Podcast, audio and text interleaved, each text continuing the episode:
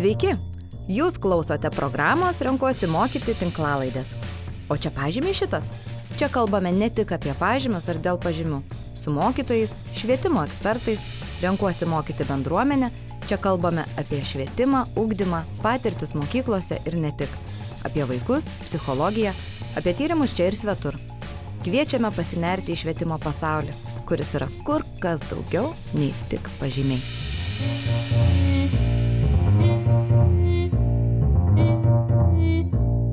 Sveiki, jūs klausote tinklalaidės, o čia pažymė šitas. Šiandien kalbame apie medijų raštingumą ir apie tai kalbėsime su Povilu Šklėriumi, rašytoju Vilniaus Salomėjos Neries gimnazijos medijų mokytoju, renkuosi mokyti programos alumnų. Labas. Labadiena. Ir Viktor Denisenko, rašytoju, Vilniaus universiteto dėstytoju, mokslininku, propagandos ekspertu. Sveiki. Ir svečius kalbinsiu aš, Jeva Lebedytė, chemijos, matematikos ir muzikos mokytoja, renkuosi mokyti programos alumni. Savoka medijų raštingumas nedaugam yra aiški ir suprantama. Šis terminas dažnai painiojamas su kompiuteriniu raštingumu, mokėjimu naudotis kompiuteriu ir įvairiomis programomis. Pačio žodžio medijos kasdienėje kalboje vartojame retai, dažniausiai jį sutinkame turbūt kalbėdami apie socialinės medijas, kai kalbame apie socialinius tinklus. Tad pradėti norėčiau nuo terminų medijos ir medijų raštingumas. Kas tai yra ir kaip jūs esate susiję su medijomis kasdienybėje ir profesinėje srityje? Na, galima pradėti nuo to, kad iš tikrųjų medijų raštingumas yra labai platus terminas ir ką jūs paminėjote, kad ir kompiuterinis raštingumas, aš sakyčiau, tai yra dalis medijų raštingumo. Aš pirmiausia susijęs su šita tema kaip mokslininkas, aš tyrinėjau propagandą ir didžiąją dalim Kremliaus propagandą. Ir tas pats medijų raštingumas neretai yra minimas būtent atsparumo propagandai kontekste. Tačiau aš iš karto norėčiau, taip sakant, pažymėti, kad um, būtų pernelik siaura suvokti medijų raštingumą vien tik kaip priemonę prieš propagandą, nes na, mes visi gyvename medijų laikotarpiu, medijų pasaulyje, tikrai susidurėm su medijomis ko gero kiekvieną dieną. Tai medijų raštingumas, mano supratimu, yra tiesiog suvokimas, kaip medijos veikia, kokias galimybės jos suteikia ir kokie pavojai egzistuoja. Tai aš kaip ir visi kiti kasdienybėj su daug medijų susiduriu, nes visi vartojame informaciją įvairiais kanalais.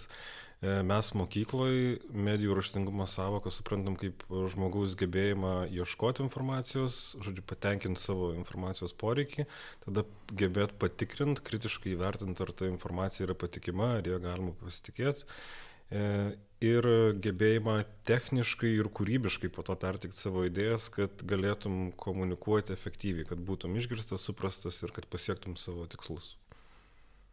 Ir jau yra treti metai, kai aš dirbu Vilniaus Lamės Nerės gimnazijoje, medijų raštingumo mokytojų. Mūsų gimnazijoje yra toks kaip atskiras dalykas - medijos ir visuomenė. Ir mūsų mokykla yra parengus tokią programą vieno Erasmus projekto metu, kurioje yra tiesiog metodinė medžiaga, kaip vesti pamokas e, apie medijų raštingumą, e, pagalba tiek mokytojui, tiek planai, kaip galima integruotas pamokas į kitų dalykų pamokas. Ir tada mes pradėjom tai daryti, keitės iš pradžių keli mokytojai buvo kiti, po to aš atėjau, tai dabar man jau yra treti metai. Ir aš ir mokau to medijų raštingumo, pas mus jo, jis yra privalomas kol kas nuo 9 iki 12 klasės, viena savaitinė pamoka.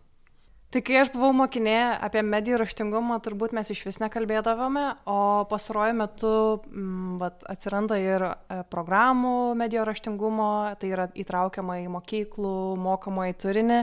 Tai kada ir kodėl medijų raštingumas tapo aktualią temą Lietuvoje?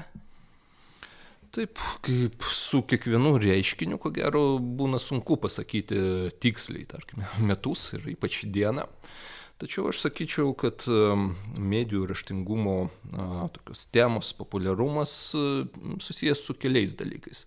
Na, viena vertus tai mūsų realybė. Iš tikrųjų, tų medijų yra daug ir jų daugėja. Plus, žinoma, mes žiūrime, kaip dažniausiai ir būna į Skandinavijos valstybių pavyzdį ir ten šitas reiškinys, šita tema yra labai aktuali. Tai čia, aš sakyčiau, yra vienas aspektas, o kitas aspektas susijęs su mūsų geopolitinė padėtim, su to, kad mes dėja gyvename gan neramiame regione, galėčiau pasakyti taip, su mūsų kaimynais, su didžiaja kaiminė Rusija ir Baltarusija ir su to faktu, kad tos valstybės nevengia naudoti propagandos ar dezinformacijos kaip poveikio priemonių.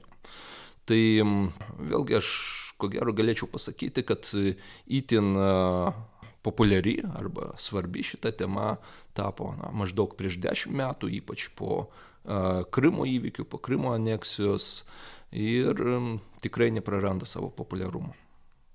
Aš turbūt pradėjau domėtis labiau medijų raštingumo arba propaganda, gal pirmiausiai, kai buvo Maidano įvykiai, 2013 metų pabaiga, 2014 pradžia. Ir tada aš, tada turbūt pirmą kartą tapo aktualu ir atėjo, atėjo, atėjo toks supratimas, kad labai arti karas gali būti ir, ir, ir mums Lietuvoje. Ir tada kažkoks kitoks gal ir požiūris pas mane pasikeitė. Ir vėliau aš 2018-2019 metais dar dirbdamas Vilnius universitete važinėdavom po, po įvairias mokyklas pristatydami universitetą, fakultetus, atskiras studijų programas, tai aš pradėjau domėtis, o kiek to medijų raštingumo yra mokyklose. Ir tada gaudavau labai dažnai tą atsakymą, kad ar pas jūs kažkaip yra ugdomas medijų raštingumas ir man sakydavo, taip pas mus mokiniai e, daro pristatymus su išmaniaja lenta. Ir man tada pradėjo rodytis, kad tai yra labai labai keistas ir labai siauras supratimas, iš vis toks tik techninis labiau niuansas to medijų raštingumo. Tai po tų kelių metų aš gal, galų gale nusprendžiau, kad norėčiau mokyti šito dalyko mokykloje.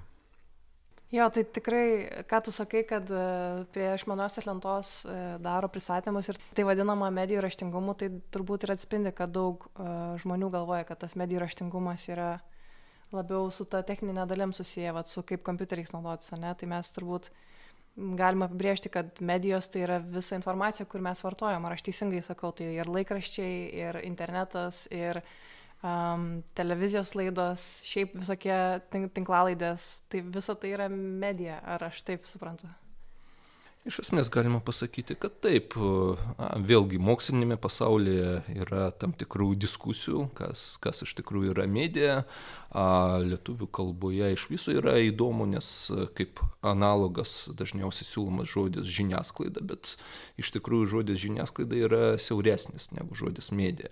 Ir visgi tas žodis medija yra vartojamas ir um, lietuvių, sakykime, mokslo pasaulyje, pirmiausiai medija yra priemonės, kurios perdoda informaciją. Tai internetas yra tokia globali medija, joje yra daug mažų medijų, tarkime, nuo Delfi portalas kaip žiniasklaidos priemonė, kaip irgi savotiška medija. Bet tas terminas jis turi tokį, kaip sakant, a, Jame yra daug įvairių aspektų ir dėl to na, aš ir sakau, kad mes savo kasdienėme gyvenime negalime išvengti tiesiog susidūrimo su medijomis. Mhm. Dirbant su mokiniais, man buvo irgi labai įdomu, kiek čia mokiniai supranta, kas tos medijos. Tai jiem dažniausiai yra, kad čia yra socialiniai tinklai, čia yra internetas, visokie išman, išmanus įrenginiai ir taip toliau, bet po to, kai kas metus vis darau tokią apklausą, ypač su devintokais, kurie niekada, nu, jiem prasideda tas dalykas, jie būna su juo nesusidūrę, tai jiem po to atrodo, kad čia iš vis yra labai platus dalykas ir čia visas šio laikinis pasaulis yra tarsi mano mokomo dalyko objektas. Bet e, gal aš taip pats plačiai nemastau, bet sakykime, jo, man atrodo, kad beveik viskas, kas, kur yra informacija, tai yra vienokia ar kitokia medija, kuri mus kažkaip veikia. Tai vienas iš, viena iš tų užduočių būtų ne tik, kad mes, e, aš tai mažiausiai noriu, kad mokiniai ten techniškai labai kažko mokėtų, nes pas mus yra dar e, kiti dalykai - filmų kūrimas, fotografijos, grafinio dizaino pamokos, atskirai tam skirtos pamokos vyresnėse klasėse, kur galima to išmokti. Man tai labiau rūpi, kad jie suprastų grėsmės ir galimybės, kurias suteikia įvairios skirtingos medijos. Aha, tai vad sakai grėsmės ir galimybės, tai vad ir kyla klausimas, tai kam mums reikalingas tas medijų raštingumas ir kokius e, gebėjimus ugdo, kai mes gerai suprantame medijas. Iš tikrųjų yra tokia gera metafora arba palyginimas, kaip sakoma, jeigu žmogus nori vairuoti mašiną, jis turi pasimokyti, turi išlaikyti egzaminą ir tada jis gauna teisės, jis gauna teisę sėsti prie vairo. Ir tai yra sakykime, labai logiškas kelias, nes na, mašina yra pavojingas dalykas. Ne, ir galima sukelti tokių labai rimtų pasiekmių, jeigu tu nemoki dalyvauti tame bendrajame eisme, jeigu tu neišmanai taisyklių ir jeigu jų nesilaikai.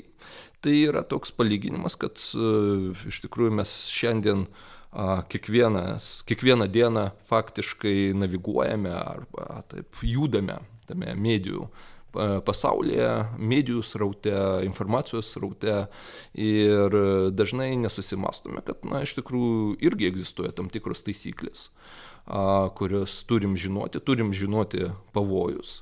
Ir tie pavojai, vėlgi, mano požiūriu, yra labai platus, jeigu mes kalbame apie komunikaciją internete, tarkime, apie komunikaciją medijose, tai pavojai apima na, sakykime, paprasčiausią sukčiavimą, kai bandoma a, išvilioti pinigus arba užvaldyti ten, prisijungimą prie kokios nors paskiros, prie a, socialinių medijų ir baigiant nuo tokių dalykų kaip a, tarkime, patyčius, patyčius socialinėje medijoje, tai su kuo gali susidurti, na, pirmiausia, ko gero vaikai, kurie dar nėra nu, taip, psichologiškai pasiruošę tokiems dalykams.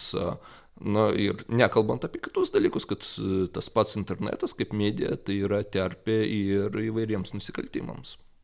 Kalbant apie, apie tą saugumą, sakykime, internete, tai e, reiktų suprasti, kad mes vienai naudojam, naudojamės išmaniam technologijom, vaikai naudojasi kitaip. Jie naudojasi ir kitokiais socialiniais tinklais, kurių mes gal jau net ne vis dar suprantam. Uh, ne visi iš tų socialinių tinklų yra saugūs ir kai kuriuo aš vis pats nesuprantu. Snapchatas, kur tavo pokalbiai po to po kažkiek laiko iš vis dinksta, tai kaip tu po to įrodysi, kad kažkas įvyko, jei kažkas blogo įvyko. Ir dėje vaikai dažnai galvoja, kad ta jų erdvė socialiniuose tinkluose kažkaip jie tarsi, kad suaugę gal neturėtų kištis ten ar, ar kažkas tokio. Ir labai daug tų patyčių taip ir lieka, niekada nepasiekia nei mūsų mokytojų, nei tų labiau tie vaikai kalba tai, apie tai su savo tėvais. Teko vienoje konferencijoje bendrauti tokia kolegė, kuri irgi skatina medijų raštingumą mokyklose. Ji buvo iš Estijos. Tai pasako, kaip Estijoje buvo sukurtos tokios kortelės, kurios padėtų tėvam aiškinti tam tikras frazes vaikam, ten, pavyzdžiui, kas yra algoritmas, bitcoin, nu, žodžiu. Ir tada paaiškėjo, kad tiesiog tėvai negali patys paaiškinti vaikam tų dalykų net su tom kortelėm. Tai čia yra toks didelis labai atotrukis tarp to, kad e, mes vienaip galvojam, kad tie vaikai elgesi, vaikai elgesi visai kitaip. Pastaba apie vairavimo teisės ir pavojų, jeigu ne, nemoki bendrajam eisme vairuoti. Tai man visada primena Maršalo Makluono frazę, kuris pasakė, kad e, mes kuriam įrankius, kurie vėliau kuria mus. Tai man atrodo, aš buvau mokykloje tuo metu, kai Lietuva išgyveno tą kompiuterizacijos pradžią, 2000 metų pradžią, kur vis pas visus atsirado kompiuteriai, jau vis daugiau žmonių turėjo namie internetą, bet me, mūs, niekas mūsų nemokė nei kažkokio saugaus ten elgesio, uh, E, būdavo labai daug anonimiškų tokių keistų susirašinėjimų, kur tikrai dabar galvoju, kad tai būtų nesaugu, bet da tai buvo. Bet beveik visi susirašinėjimai buvo anonimiški. Aš atsimenu, mes eidami žaidimų kambarius kažkokius ir susirašinėdame su nepažįstamai žmonėm, visi būdavom su, su kažkokiais išgalvotais vardais. Ir tikrai atiduodom savo informaciją ir adresą, ir ten telefono numerį. Ir Tai mes kažkaip užaugom, bet taip kaip mes užaugom, tai mes augom toliau, nes niekas mūsų vaikų toliau nemoko to mm. tokio saugaus elgesio internete arba saugaus elgesio su asmens duomenim. Ir čia, man atrodo, yra tokia problema, nes mes tarsi gavę labai gerus įrankius, bet nelabai turim tą tradiciją, kad to kaip reikėtų apie iš vis kalbėtis, apie elgesį saugų socialiniuose tinkluose, pavyzdžiui, internete. Ir e, yra toks tyrimas daromas nuo 2009 metų, jeigu neklystu, jis yra apie ES vaikus internete, jų naudojimas internetu, kiek laiko praleidžia. Tai nuo nuo 2009 metų, kai pradėjo tą tyrimą daryti, Lietuvai pateko, tai ten visą laiką Lietuvos vaikai, kad daugiausiai laiko praleidžia prie ekranų, mažiausiai kalba, man atrodo, su tėvais apie savo tą internetinį gyvenimą, dažniausiai eina susitikinėti su visiškai nepažįstamai žmonėm, kurių niekada nėra sutikę ir taip toliau. Tai e, mes pažangus, bet man atrodo, čia labai daug grėsmių yra. Jo, tai tu paminėjai vieną iš programėlių Snapchat'ą, kur moksleiviai praleidžia daug laiko. E, kita programėlė tai yra TikTokas, kur irgi moksleiviai praleidžia milžinišką kiekį laiko ir ne vien moksleiviai, ir, ir šiaip suaugę žmonės. E, tai kaip jūs vertinate šią platformą, jeigu esate susidūrę, ar tai galėtų būti puikia platforma švietimui, kur mokytojai galėtų kurti turinį, mokytojai dėstytojai kurti turinį, ar tai yra pavojinga dėl duomenų rinkimo?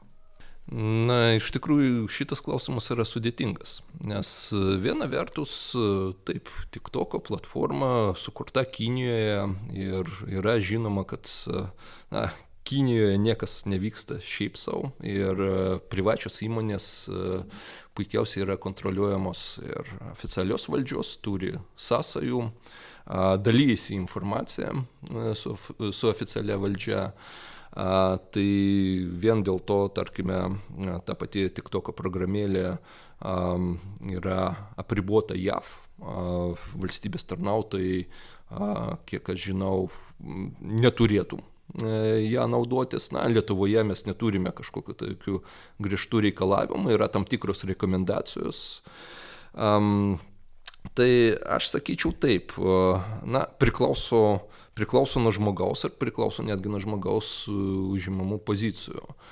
Jeigu žmogus dirba valstybinį darbą, jeigu žmogus e, dirba e, specialiuosiuose tarnybose, jeigu žmogus dirba su jautria informacija, tai tokiam žmogui aš ko gero dėl viso pikto rekomenduočiau nesinaudoti tą programėlę. Jeigu kalbant apie galimybės, kurias tas programėlės suteikia, tai Mm, aš sakyčiau, kad na, kūrybiškai žiūrint, mokytojas iš tikrųjų galėtų pasinaudoti tomis galimybėmis, nes iš tikrųjų labai svarbu kalbėti tą kalbą, kurią su, supranta, sakykime, žmonės, kurie, kurie supranta šiuo atveju mokiniai. Ir šiuo atveju aš suprantu, kalbu ne apie lietuvių kalbą, bet apie va, tą universalią medijų kalbą, nes e, iš viso yra manoma, kad dabar kiekviena karta turi savo socialinės medijas. Ir e, šiandien, tarkime, jaunimas mėgsta tik toką, rytoj gali būti kažkas tai visiškai naujo ir kitokio. Bet mokytojų gebėjimas kalbėti būtent tą medijų kalbą, mano požiūriu, tik, tikrai praverstų. Ir tai yra, kaip mes sakome, egzistuoja galimybės, egzistuoja pavojai, tai šiuo atveju čia yra galimybė. Man atrodo, kad Kinijoje tik tokas kaip tik skatina jaunimui norą užsimti saviugdą, kad ten daug labai to turinio, kur kažkaip kažką gali pasimokyti, išmokti ir skatina. E, aš pats naudojausi tik toku gal vieną dieną, tiesiog atsiprašiau, kas tai yra ir tuo metu man ten buvo labai, atrodė, laukinis kažkoks pasaulis ir tikrai nesupratau ir negrįžau niekada prie jo. Vaikai tai taip naudojasi, Snapchat'u, tik toku, tai yra tos populiariausios programos. Kartais būna, kad, su, kad mokiniai patys kalba, pavyzdžiui, kad jie pavarksta labai nuo, nuo tiesiog išmanaus telefono, nuo socialinių tinklų. Dar vienas dalykas, kurį pastebėjau, kad dabar man atrodo, mes mokėm vaikus iš pradžių naudotis kompiuteriais, o dabar turėsim permokyti juos naudotis kompiuteriais, nes naudodamiesi telefonu jie kartais prisėdė prie kompiuterio kažko atlikti. Aš suprantu, kad jie ne visai žino šiaip, kas yra internetas, kad tai yra tiesiog kažkokios programos, kuri viena paleis internetą, bet kita gali nepaleisti. Nors viena programa yra Chromas, kita yra Firefoxas, bet, bet jiems kilo klausimas, tai per kurią reikia pasileisti internetą. Uh, ir e, su rašymu klaviatūra kompiuterinė ir taip toliau jiem kyla problemų, tai kažkur jie su telefonu praranda tam tikrus gebėjimus, bet kas, kas čia žino, gal jiem tų gebėjimų iš tiesų ir nereiks naudotis mum įprastom dar klaviatūrom ir jie viską per liečiamus ekranus kažkaip pasidarys, aš nežinau.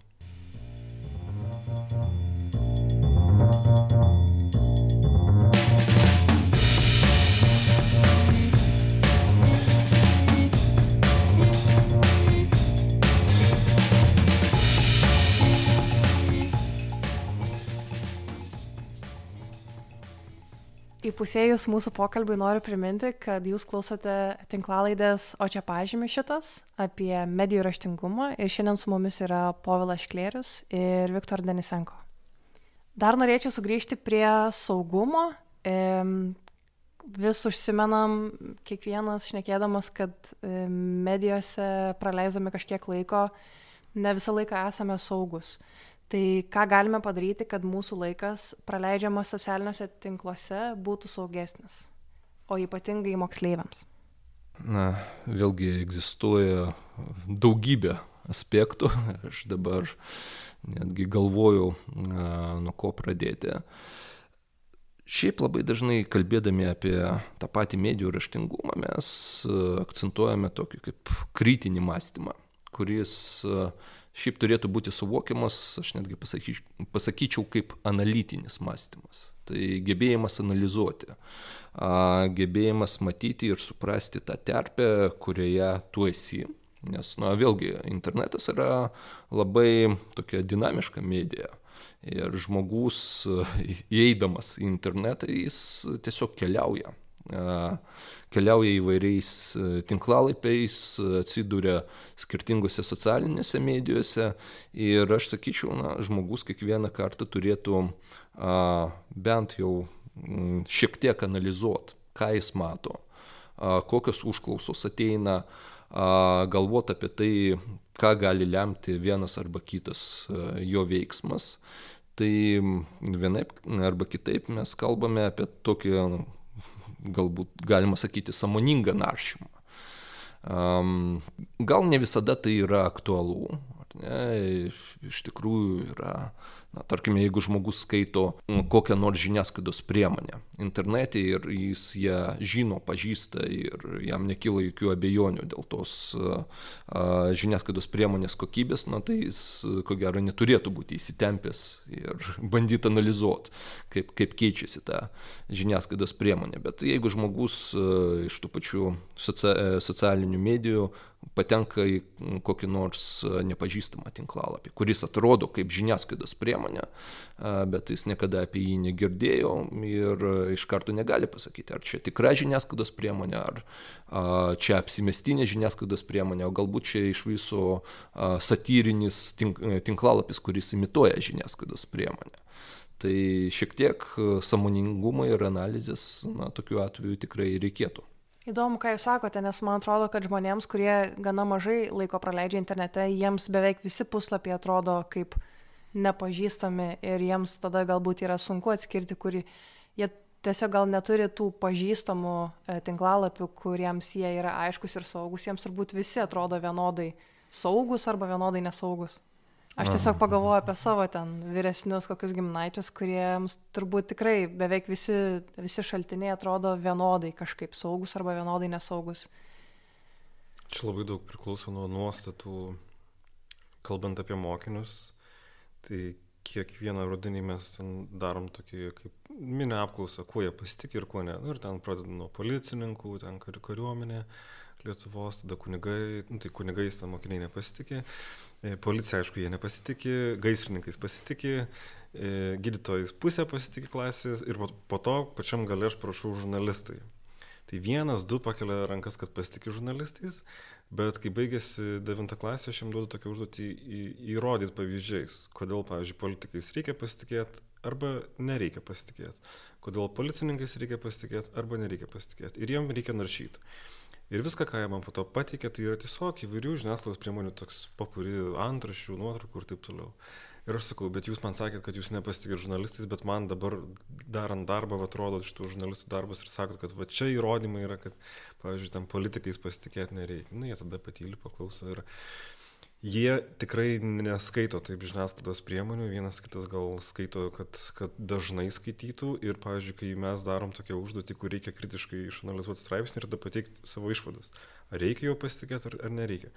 Tai aš tos straipsnius randu tokiuose, man atrodo, keistuose labai ten portaluose, dabar jau kai kurie jau iš vis uždaryti yra. E, bet jiems, kai kuriems, tai pavyzdžiui, tie portalai, jie tikrai atrodo tiesiog normalūs, sako, yra reklamos, tai turbūt patikimas portalas nes, nu, yra, tai reiškia, kažkas perka reklamą, viskas gerai.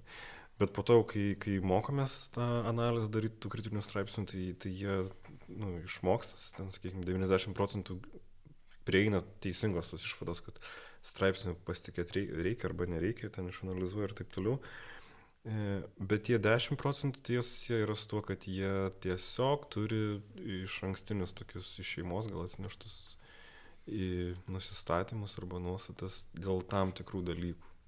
Praeitais metais prisimenu, e, sakau, Rolandas Paksas buvo geras pavyzdys politiko, kuris pasielgė neteisingai ir tokia mokinė sakė, o kodėl?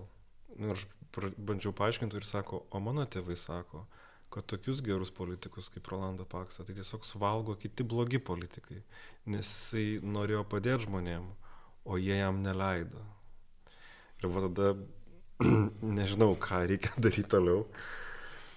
E, nes kartais tokie vaikų pasakymai, jie, nu, jie, jie turi, turi labai tvirtą pagrindą, nes tėvai jiem autoritetai, tėvai tai pasakė, tai reiškia, taip turėtų būti. Čia buvo toks straipsnių ciklas apie medijų raštingumo ugdymą Baltijos valstybėse, tai man atrodo, estai buvo irgi paminėję, kad kartais jų vaikai grįžta į šeimą ir ten visiškai, kit... ir jie supranta, kad ko juos moko mokykla visiškai nedara su tuo, kaip ten tėvai masto. Tai jie irgi negaliu atsakyti klausimą, ką daryti, pavyzdžiui, su vaikais, kurie tiesiog turi labai kitokias nuostatas. Tai čia buvo labai toksai opus klausimas, turbūt ir išliko opus klausimas prasidėjus desnio masto įsiveržimui į Ukrainą kai dalis žmonių tiesiog nebegalėjo bendrauti su savo šeimomis, nes jų labai skiriasi požiūris į, į karą. Ir aš turėjau klausimą apie tai, kad e, dalies moksleivių medijų raštingumas priklauso nuo jų tėvų požiūrio ir vartojamų medijų kanalų, o tarptų kanalų pasitaiko ir melagienų arba propagandos. Tai koks mokyklos vaidmuo galėtų būti ugdant tėvų medijų raštingumą? Na, čia, sakykime, kitas klausimas, ar mokykla gali išugdyti tėvų medijų raštingumą. Um, tačiau aš, aš turiu atsakymą, a, savotišką bandymą atsakyti, a, ką daryti tokioje situacijoje, kai na, mokykloje vaikas girdi vieną, grįžta į namus ir girdi visiškai kitą, vėlgi tie patys tėvai gali ir ugdyti nepasitikėjimą mokyklą, nes bando įdėkti kažkokias tai kitokias mintis. Tai mano požiūriu, vėlgi mes grįžtame prie medijų raštingumo esmės ir medijų raštingumo esmė yra nepaaiškinti, kas yra, na, sakykime, kas yra teisinga, o kas neteisinga, bet uh, mano požiūriu, medijų raštingumo esmė yra išmokyti mąstyti, nes uh, tik pats vaikas gali pamatyti galbūt uh, kokį nors kognityvinį disonansą uh, tose naratyvuose, kuriuos palaiko jo tėvai. Ne, jeigu tėvai sako, kad uh, Rusija gynasi ne, ir Rusija buvo priversta ten užpulti Ukrainą, mm, kad apsigintų, na, tada logiškas klausimas, tai kieno kariuomenė, kieno teritorijoje. Yra, yra labai paprastas atsakymas. Tai mm, vienas iš tokių aspektų um, išmokyti analizuoti informaciją ir matyti uh, tos loginės klaidas pačioje informacijoje.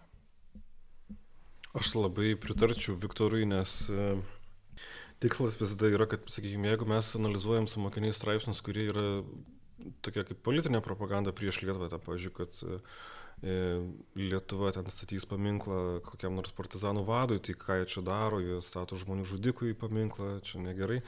Tai jeigu tu išmoksi analizuotos straipsnius, tu geriau suprasi, kaip tiesiog atskirti patikimą šaltinį nuo nepatikimo, galų galia patikimą svetainę nuo nepatikimos visa tai ta logika jinai veikia kitiem dalykam. Pavyzdžiui dabar kriptovaliutos visokie investavimo platformos labai tokios naujos keistos tokia yra banga tarsi aš kai augau tai būdavo tu gauni laišką pavyzdžiui užsiregistruok čia tu galėsi dirbti iš namų kas reiškia atseit tarsi nedirbsi ir tu ten kažkokias nuorodas spaudinėsi pildysi kažkur vis registruosis ir tau pamažu žodžiu kapsės ten doleriai ir gali kažkiek tų dolerių uždirbt per mėnesį. Tai būdavo tokie tarsi apgaulė, kad tu vat, gali neva nedirbdamas užsidirbti, tai aš dabar būna, kad girdžiu vaikai kalba apie investavimą, ten kokie devintokai, dešimtokai, man labai keistai skamba, kai tokio amžiaus vaikai kalba apie investavimą, galbūt jie yra daug labiau finansiškai raštingi negu mano karta buvom, bet turint omeny, kad tos kriptovaliutos ir visokie NFT, jos tiesiog ten yra kai kurios paleidžiamos tam, kad surinktų pinigus ir staiga dinksta,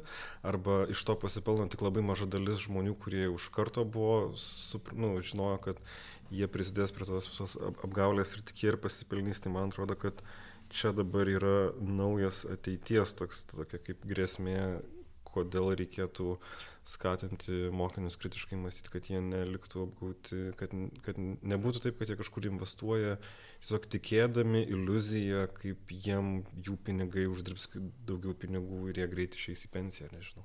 Dėl tų, e, kad, sakykime, šeimoje vaikai gali turėti e, tėvus, kurie skaito gal kitokią kažkokia žiniasklaida arba kai tiesiog yra patekę į tą informacinį lauką, iš kurio po to labai yra sunku išlipti ir pamatyti kažką kitaip.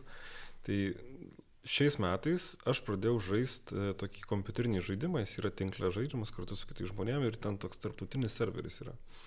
Žaidimas labai senas, jis aktualus tik mano amžiaus žmonėms. Ir staiga aš pradėjau žaisti su tokiu graiku. Ir jis man pradėjo, mes pradėjom susirašinėti, ką tu veiki ir taip toliau. Ir jisai sako, o, tai tu dirbi mokytoju. Ir aš pradėjau pasakoti, kokį, ir sako, tai aš tikiuosi, kad tu propagandos neskleidi. Ir sakau, aš tikiuosi, kad neskleidžiu. Ir jisai sako, bet žinau, Graikija tai jau viskas, tai yra žlugus valstybė. Aš galvoju, aš tai ne, negaliu pakomentuoti, jisai žino geriau. Sakau, kodėl taip sakai. Ir jis ten sako, viskas čia blogai, viskas išvokta. Sako, o prezidentas Trumpas tai buvo geriausias prezidentas Amerikos. Ir staiga pokalbis pakrypsta tokia labai keista linkme, kuris man pradeda pasakot, būdamas graikų, negyvendamas Amerikoje, koks Trumpas buvo geras prezidentas, kaip jis viską darė dėl žmonių, kad dabar Bidenas yra labai blogas prezidentas, nes kišasi į ne savo karus. Ir staiga aš, mūsų pokalbis baigėsi tuo, kad jis paklausė, ar aš žinau, kas yra Deep State. tada aš sakau, o gal gali man paaiškinti, tada jis įpatylė ir sako, žinok, jeigu pradėčiau aiškinti, viskas skambėtų labai jokingai. Ir man patiko, kad galbūt tas žmogus dar turi kažkur kažkokią abejonę tuo, kuo jis tiki, e, bet e, tai, kad, pavyzdžiui, tarsi su Amerika nesusijusiam žmogui atrodo, kad Trumpas buvo geras prezidentas ir jis jaučia tiek, e, sakykime, pykčio ten Bidenui, yra labai keista. Po dviejų savaičių atsirado kitas graikas, su kuriuo aš žaidžiau toliau, tai ir jisai pasakojo labai panašius dalykus ir jisai jau komentavo būtent Rusijos karą prieš Ukrainą Ir jisai sakė, taigi Rusija tai tik ginasi. Ir aš pagalvojau, kad Rusijos propaganda, kai mokiniam, pavyzdžiui, iki karo ten suintensyvėjimo atrodė, kad aš ištraukiu nesąmoningus straipsnius apie, nu, kuris pro, pro, propagandos pavyzdžiai, kur Rusija skleidžia prieš Lietuvą, nes jiems tai atrodo net juokinga, kaip tu gali tuo patikėti. Arba kaip iš vis kažkas gali patikėti, tai dabar kažkaip pamačiau, kad uh, kad visam pasaulyje ta Kremliaus propaganda tiesiog yra labai plačiai pasklidus. Tiesiog tie visi naratyvai, kad kas yra geras, kas yra blogas, ar tu čia puoli, ar tu čia giniesi. Mhm. Ar galim, ar aš gerai girdžiu, pavyzdžiui, iš jūsų abiejų, ką jūs sakot, kad medijų raštingumas iš tikrųjų prisideda prie ir pilietiškumo augdymo? Be jokios abejonės, nes, uh, uh, kaip sakoma, visada reikia eiti nuo tokių pagrindinių savokų ir uh, kas yra pilietis. Tai mano požiūriu, pilietis yra pirmiausiai samoningas žmogus, žmogus, kuris samoningai priima sprendimus. Um, sprendimus mes priimam um, dažniausiai naudodami tą informaciją, kuri patenka į mūsų akiratį. Tai reiškia, kad uh, bendrai tas samoningas sprendimas yra susijęs su patikima informacija ir su galimybė atskirti patikimą informaciją nuo nepatikimos. Tai na, mastant logiškai, sakyčiau, šimta procentų. Taip, e, tikras samoningas pilietis turėtų būti ir raštingas visomis prasmėmis, įskaitant ir medijų raštingumą. Pilietiškumo pagrindai ir, ir medijų, medijų dalykas, jie labai gerai integruojasi tarpusavį, nes tos ir temos panašios ir taip toliau. 9-10 klasė būna, kad ten per pilietiškumo pamoką paprašau mokinti tiesiog parengti pristatymą apie Lietuvą kokia ta Lietuva, ten būna daug labai pagalbinių klausimų, kokios mums būdingos vertybės, galbūt kokie ten mūsų minusai, kokie pliusai ir taip toliau. Tai ką aš gaunu, tai yra toks labai šaržuota ta Lietuva ir iš tokios nelabai geros pusės, kur tarsi viskas, kas buvo, tai buvo gerai praeitį kažkada Lietuvos, o dabar mes esame alkoholikai, savižudžiai, smurtas šeimoje. Tai iš esmės tai atspindi irgi lietuviško žiniasklaidos visas antraštės naujienas. Bet šiais metais aš parengiau tokį pamokų ciklą apie tautinį identitetą, žodžiu, kad mes pradedame nuo to, kaip jie įsivaizduoja, kokie čia tie lietuviai yra ir kaip mes čia gyvenam, kokios problemos mus kankina, po to mes ten skaitom daug, analizuojam lietuvių vertybių kaitą.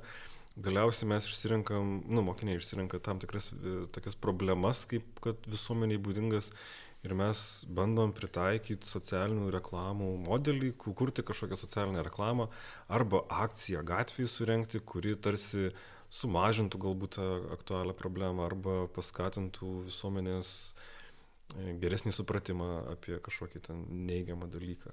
Tai kai jie turi daug to tokio neigiamo, sakykime, supratimo apie Lietuvą, bet jis yra labai lengvai išjudinamas, nes kai tu jiem pradedi rodyti gerus dalykus, tai jie tada paklauso ir, ir jie, nu, kažkaip tikiuosi, kad jiems kažkur lieka, kad nu, mes, mes nesame kažkokie nusivylus, užlūganti valstybė, kaip kad nori Rusija įrodyti mhm. tiek savo gyventojams, tiek mums. Taip, taip. Man atrodo, geriau negu dabar niekada mes negyvenom.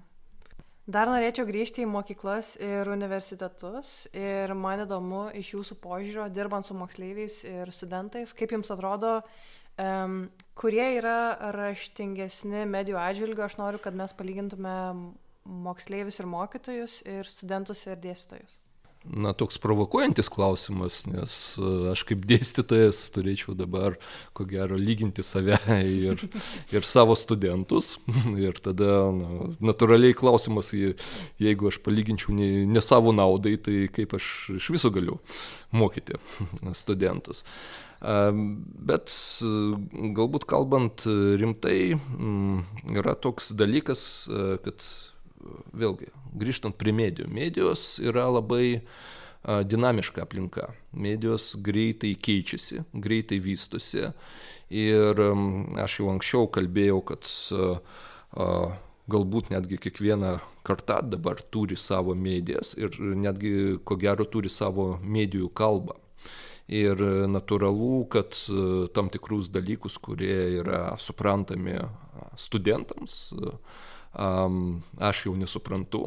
Lygiai taip pat, kaip aš kartais už, užsimirštu ir dėstydamas, na, tarkime, sakau, atsimenate, va ten rugsėjo 11.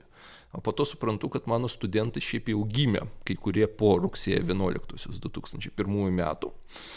Na ir pasijuntu labai jau tokiu pagyvenusiu žmogum.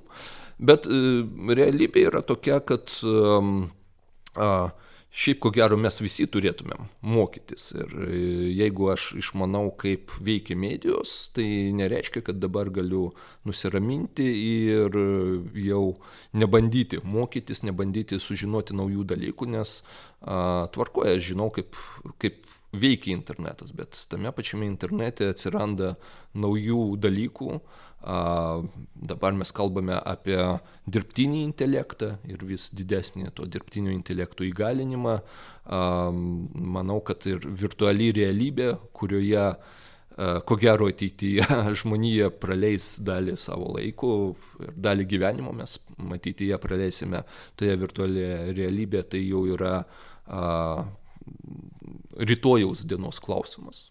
Viskas ateina labai greitai, tai sakyčiau, Taip, žinom, kaip žmogus, kuris dėsto apie medijas, kuris nagrinėja medijas kaip mokslininkas, aš asmeniškai, ko gero, žinau nemažai, bet tai nereiškia, kad aš žinau viską. Tikrai tam tikrų dalykų aš, ko gero, neišmanau. Ir tai tiesiog na, patvirtina, kad gyvename tokiais laikais, kai reikia mokytis visą gyvenimą. Mūsų mokyklai kai Vilniaus Salomėjos Neries gimnazijoje pradėjo vesti tas tokias integruotas, pirmiausiai pamokas, medijų raštingumas su anglų kalba, su lietuvių kalba, su istorija, geografija.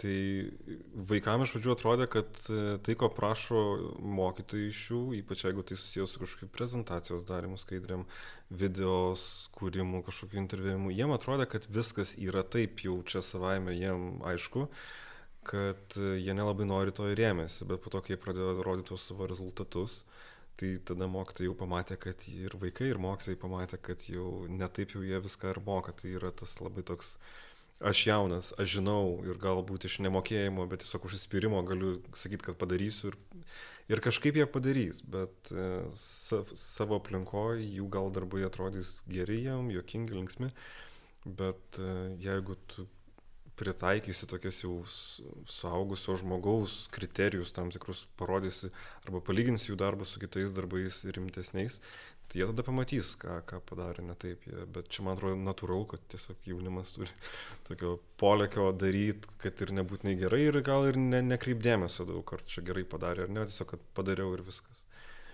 E, mokytoja mūsų mokykloje buvo, kad e, kai kurie tiesiog, e, kai kuriems buvo labai įdomu kažką naujo išmokti.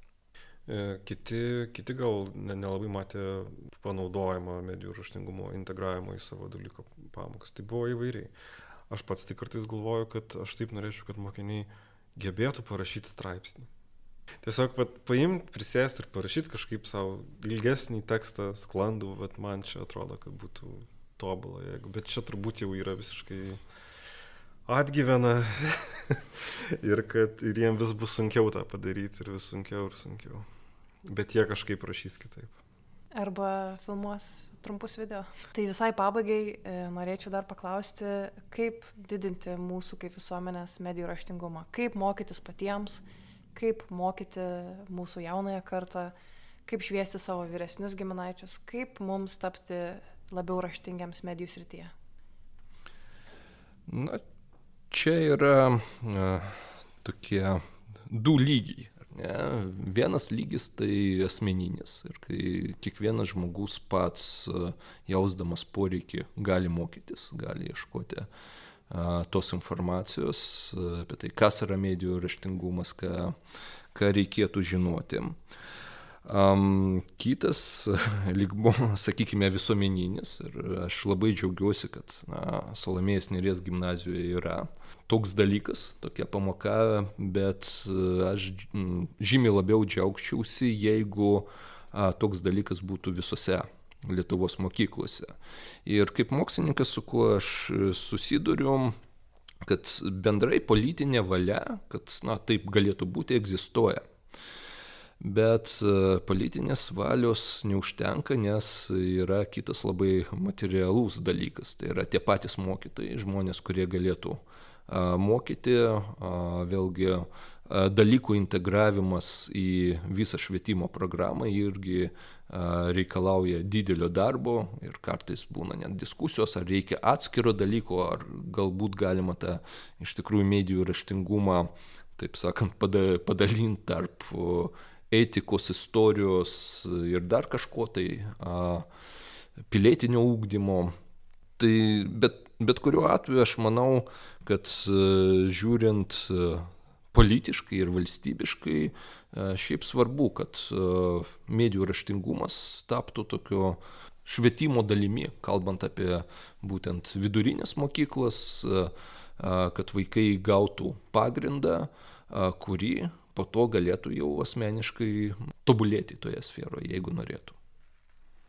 Aš pastebėjau, kad tiek Lietuvai, tiek Latvijos tai būdingas yra toks labai išskaidytas dėmesys, sakykime, tam medijų raštingumui, kur atrodo, kad tarsi svarbu yra šviesti visuomenę, kad ji taptų atsparesnė išorės grėsmėms, bet kaip ir visi, kas tada to įmasi, yra atskiros labai iniciatyvos, įvairios vašai įstaigos, kurios kažką padaro, po to padaro gal dar, po to arba nedaro. Tai aš aišku norėčiau, kad tai būtų integruota į kitus dalykus ir, ir būtų nuo tada, kai vaikui duodi telefoną, tai nuo tada ir reikėtų mokyti tam tikrų dalykų, gal saugaus elgesio su, su išmaniom technologijom arba ką jie veikia, kokią informaciją apie save atskleidžia. Uh, Nes e, kaip atskiras dalykas jis toks kartais mūsų mokiniams atrodo, yra labai sunku pasakyti, o matematika tai apie skaičius, tu moki suskaičiuoti arba nemoki, bet ką va, tu tiksliai per medijas turi išmokti, va čia yra tokia problema, nes tada atrodo, kaip ne visai aišku, apie ką pats dalykas yra, nes tarsi apie kūrybiš, kūrybiškumo augdymą, bet ir apie komunikaciją, bet mes kažkam jau dirbam su kompais, o po to vėl darom kažkokius kitus dalykus. Tai, naudingiau būtų, jeigu jisai būtų integruotas, bet čia, man atrodo, reikia tiesiog mokytojų. Negalim pakeisti mokytojų požiūrio, tai kažkaip tiesiog turi atras, atsirasti gal nauja mokytojų karta, kuri ateis su tokiu polinkiu ir įpročiu gal taikyti tokį kaip tarpdisciplinišką mokymąsi, aš nežinau. Bet tai būtų daug naudos. Plus, jeigu turėtume menį vaikus su specialiais ugdymosi poreikiais, tai tie, kurie, pavyzdžiui, labai jiem yra sunku rašyti e, arba skaityti, tai jie kartais padaro labai įdomius kūrybiškus darbus, tiesiog kitaip išreikšdami save. Tai jiems tai yra būdas ir realizuoti save, padaryti kažką, ko gal kitų būdų jie negalėtų visai atlikti užduoties. Tai tikiuosi, kad šis mūsų pokalbis įkvėps mokytojus e, daugiau kalbėti apie medijų raštingumą, e, suprasti didesnę svarbą šio dalyko. Ir noriu padėkoti šiandienos e, mūsų tinklalaidės dalyviams Povilui Šklėriui ir Viktor Denisenko, o su jumis buvo tinklalaidė, o čia pažymė šitas. Ačiū, kad klausėte. Tikimės, kad praleistas laikas kartu jums buvo naudingas ir įdomus. Kviečiame susipažinti su programa Renkuosi mokyti ir pasiekti ją Facebook bei Instagram socialiniuose tinkluose. O kol kas, iki kitų susitikimų.